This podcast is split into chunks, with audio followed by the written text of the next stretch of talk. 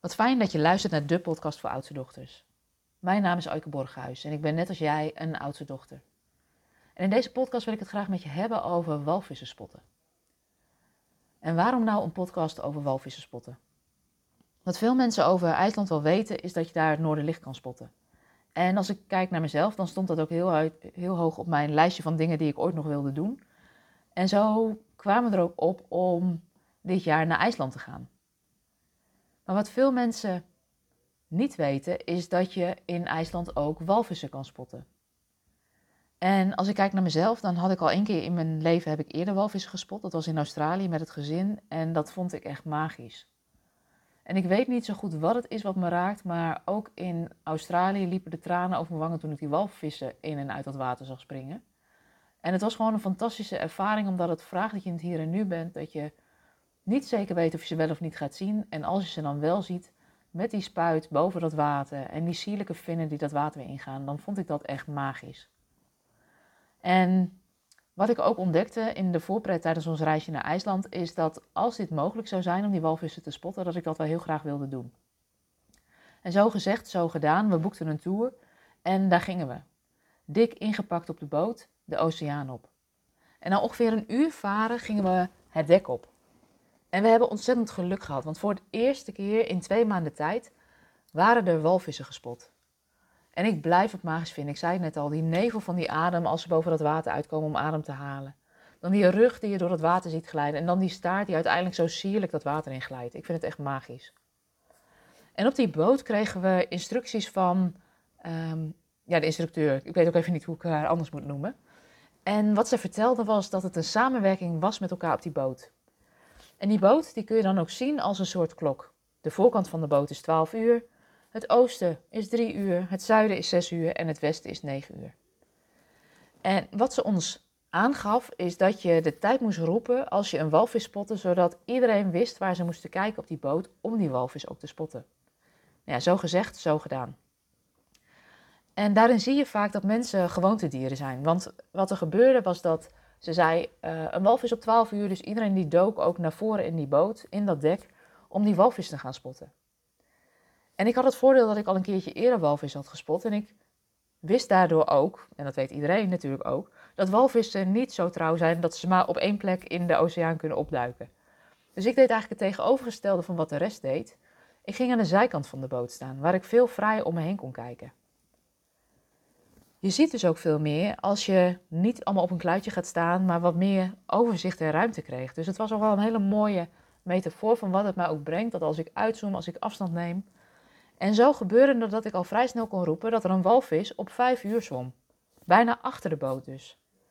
En we hadden dus een vrij en goed uitzicht op die walvis, terwijl de boot nog probeerde te keren. En een inzicht wat het me bracht is dat als ik niet aan die zijkant van die boot was gaan staan en niet de andere kant op had gekeken dan die andere mensen, dat we een deel van de walvissen zouden hebben gemist. Wat we namelijk al vrij snel ontdekten is dat er niet één, maar dat er meerdere walvissen rondom de boot zwommen of in de oceaan zwommen die we konden zien. En we hoorden al vrij snel van de gids dat we mazzel hadden, want het was de eerste keer in twee maanden tijd dat er walvissen gespot werden. En dat maakt het extra bijzonder. En toen er vervolgens ook nog een paar scholen dolfijnen rondom die boot zwommen en speelden, maakte dat, dat mijn dag niet meer stuk. Wat een geweldige ervaring. En een inzicht wat ik meeneem uit die walvissentour is wat voor een gewoontedieren we eigenlijk zijn. Hoe we geneigd kunnen zijn om met z'n allen in te zoomen. Om met z'n allen voor op dat dek te gaan staan en dezelfde kant op te kijken. En tijdens deze tour werd het weer zo mooi helder dat als je dat doet, dat je belangrijke informatie mist. Dat als je niet uitzoomt en de andere kant op kijkt, je alleen maar het perspectief bekijkt wat je kent. En hoe waardevol het is om ja, juist afstand te nemen van de situatie waar je eerst nog middenin zit en zo extra informatie tot je neemt. Als ik niet aan die zijkant van die boot had gestaan samen met nog een aantal andere mensen, dan hadden we maar één walvis gespot in plaats van die vijf of zes walvissen die we nu hebben gezien. Datzelfde speelde ook met de dolfijnen die rondom de boot zwommen en speelden. Die zijn niet altijd op hetzelfde spoor. Het zijn vrije dieren, dus die spelen ook en die duiken ook alle kanten op. En het was voor mij weer een waardevol inzicht dat dit uitzoomen, wat voor mij bijna als vanzelf gaat of een tweede natuur is geworden, en ik op dagelijkse basis doe, um, dat, dat, dus ook, dat ik dat, die blik dus ook meeneem in mijn kijk Bijvoorbeeld tijdens het walvissen spotten. Daar denk ik niet over na, dat gaat bijna vanzelf. Het uitzoomen zodat je meer kunt zien. Andere perspectieven toevoegen. En dat dat dus niet alleen waardevol is in mijn werk als ik met klanten werk, om ze net een ander perspectief te geven op de situatie waar ze nu nog middenin zit, maar ook op andere momenten, zoals op zo'n boot waarop je walvis aan het spotten bent. En ik ben wel benieuwd hoe dat voor jou is. Want als je ergens tegenaan loopt, wat is dan eigenlijk jouw neiging? Wat ik om me heen zie is dat veel van de klanten met wie ik werk geneigd zijn om de analyse en de inhoud in te duiken. En dat herken ik zelf ook uit het verleden en kan me ook nog wel eens gebeuren, maar ik zie het ook veel bij mijn klanten. En dat we dan geneigd zijn om onze schouders eronder te zetten en in de actie te schieten. En ik ben wel heel benieuwd wat er zou gebeuren als je jezelf de vraag stelt: wat zou er gebeuren als ik eens uitzoom? Als ik eens vertraag in plaats van in de actie schiet?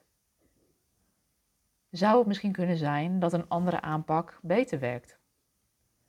En wat daarin ook helpend is, is dat deze manier van kijken vaak ook vraagt dat uh, je daar wat hulp bij inschakelt van een ander. Want je blinde vlekken zijn nou eenmaal je blinde vlekken, die zie je zelf niet.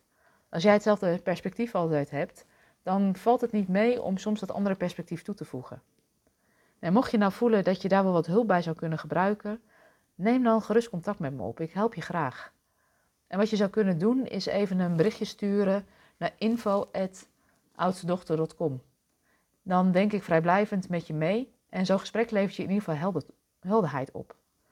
En je zou vandaag eens mee de dag in kunnen nemen van hé, hey, wat zou er gebeuren als ik uitzoom en als ik eens op een andere manier kijk of vanuit een ander perspectief mijn vraag benader. Ik ben heel benieuwd wat het je oplevert. En wat misschien ook leuk is om te weten, is dat ik in mijn werk regelmatig ook inzichtkaarten inzet. Omdat die soms ook net even een ander perspectief kunnen geven op de vraag die je zelf zou stellen. Het is heel grappig om te merken, want het helpt mij zelf vaak, maar ik merk ook dat mijn klanten met wie ik werk die manier van werken vaak ook waardevol vinden. En dat is ook de reden dat ik de laatste maanden een oudste dochter card heb ontwikkeld. En ik wilde je ook even laten weten dat het mogelijk is om dat card nu in de voorverkoop aan te schaffen, zodat je dat zo snel mogelijk um, of tenminste zo snel mogelijk als dat het klaar is, bij jou bezorgd wordt in je brievenbus. Mocht je dat willen, dan zou je even een kijkje kunnen nemen op www.oudstedochter.com slash carddeck en dan kun je het carddeck bestellen. Voor nu wens ik je een hele fijne dag en ik ben benieuwd welk inzicht je meeneemt uit deze podcast over walvissen spotten. Een fijne dag!